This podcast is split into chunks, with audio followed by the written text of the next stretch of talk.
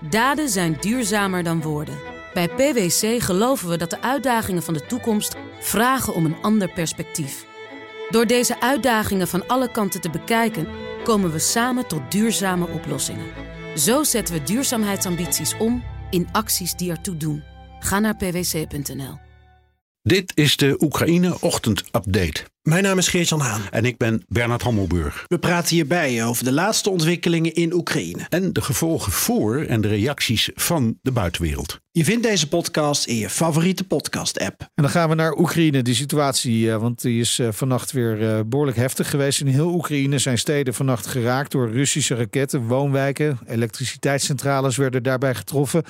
In sommige gevallen en sommige steden is de stroom ook uitgevallen. Bij ons zijn buitenlandcommentator Bernard Hammelburg en Europa-verslaggever Geert-Jan Haan. Goedemorgen beiden.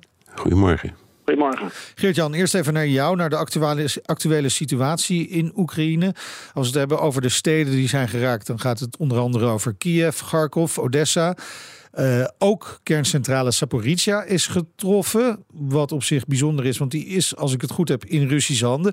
Hoe, hoe erg is de situatie daar? Ja, je stopt nu een aantal plekken op in het grootste land van Europa. Dus om, om nu in één minuut een overzicht te geven dat ook daadwerkelijk uh, alles uh, behelst, is lastig.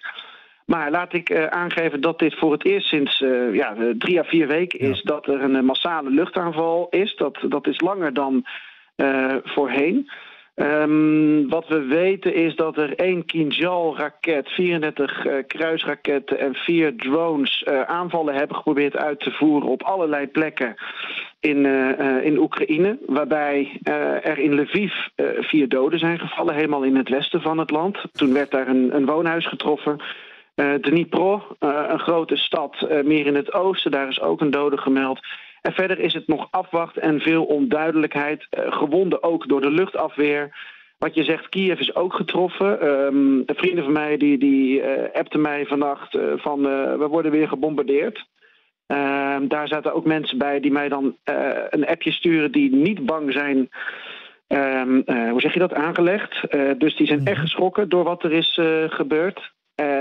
Saporizia is nog onduidelijk. Wat we weten is dat die kerncentrale voor de zesde keer nu sinds die is overgenomen door de Russen in een soort uh, blackout-modus ja. is gekomen. Dus alle vaste connecties die zijn weg. En uh, ja, dan krijg je een, een soort spelletje dat Bernard en ik de afgelopen maanden vaak hebben geanalyseerd. Want dan uh, staat een kerncentrale in een blackout-modus. Dan moet die eigenlijk binnen tien dagen weer aan het vaste net worden geconnect, zodat je zeker weet dat er geen kans is op nucleaire problemen. Dus uh, dat is een kort overzicht van wat we nu weten, maar een heleboel weten we dus nog niet. Kun je deze, deze luchtaanvallen dan ook zien wel als een antwoord op ja, toch de moeizaam verlopende strijd op de grond door de Russen?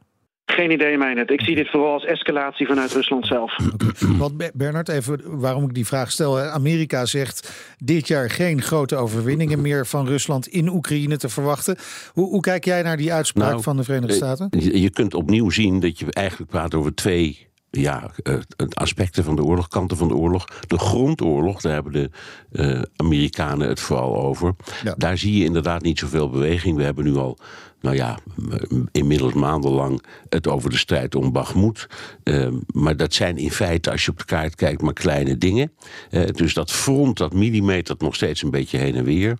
Uh, en we, we, hebben het steeds over een voorjaarsoffensief. En wat de Amerikanen, denk ik, zien, is dat er geen aanleiding is om dat echt te verwachten. Want dan zou je aan uh, het samenkomen of het, of, of het bijeenbrengen van grote troepenmassa's iets moeten kunnen zien met je satellieten. En klaarblijkelijk zien ze dat niet. De andere kant is wat we nu meemaken.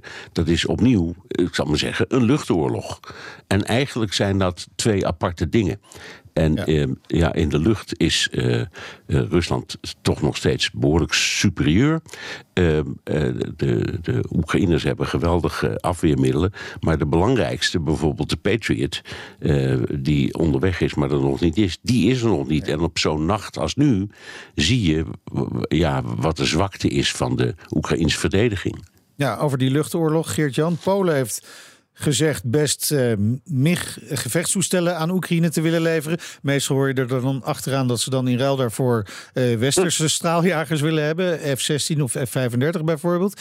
Maar die, die mix, hè, gaan, gaan die er inderdaad komen? Nou, in het geval van Polen hebben ze die moderne gevechtstoestellen ook al. En uh, worden deze 29 um, mix als, um, nou mag ik het zo zeggen, Bernard, als museumtoestellen gezien. En uh, zouden ze ze eventueel kunnen missen? Het enige is dat Duda dit, de president van Polen, in een interview met CNN zegt. En dan moet je ook goed doorhebben dat Amerika dus je publiek is. Ja. Uh, Amerika en Polen zijn natuurlijk hele belangrijke bondgenoten van elkaar. Maar inderdaad, in het verleden, als uh, uh, Polen iets doorschoof, of als andere landen aan de oostflank iets doorschoven richting Oekraïne, dan kwam daar moderner spul vanuit bijvoorbeeld Amerika voor ja. terug. Ja. Nou, de, Polen hebben al een, uh, iets van 48 F-16's. Dus ze kunnen die, die mix ook wel missen. Uh, en het voordeel, het is niet alleen maar, laten we zeggen, de, die oude dingen die je, die je best kunt weggeven. Want ze zijn ongeveer even oud als die F-16's. Dus dat is niet eens het, het grote verschil. Wat belangrijk is, is dat de Oekraïnse luchtmacht uh, die toestellen kent. Dus het trainen om ermee te kunnen vliegen is, gaat veel sneller dan wanneer je bijvoorbeeld F-16 zou leveren. Want dat vereist een hele enorme opleiding. Dus ik denk dat dat ook een rol speelt. De vraag is of het echt gaat gebeuren, omdat de Amerikanen blijven bezwaar hebben tegen het leveren van gevechtsvliegtuigen aan Oekraïne. Nou, nou, nou, nou is Polen zelfstandig, dus, en de afspraak binnen de NAVO is dat elk van de NAVO-leden eigenlijk een beetje zijn eigen beleid kan maken over wat we leveren aan Oekraïne. Dus ik ben benieuwd hoe het afloopt. Ik weet het ook niet.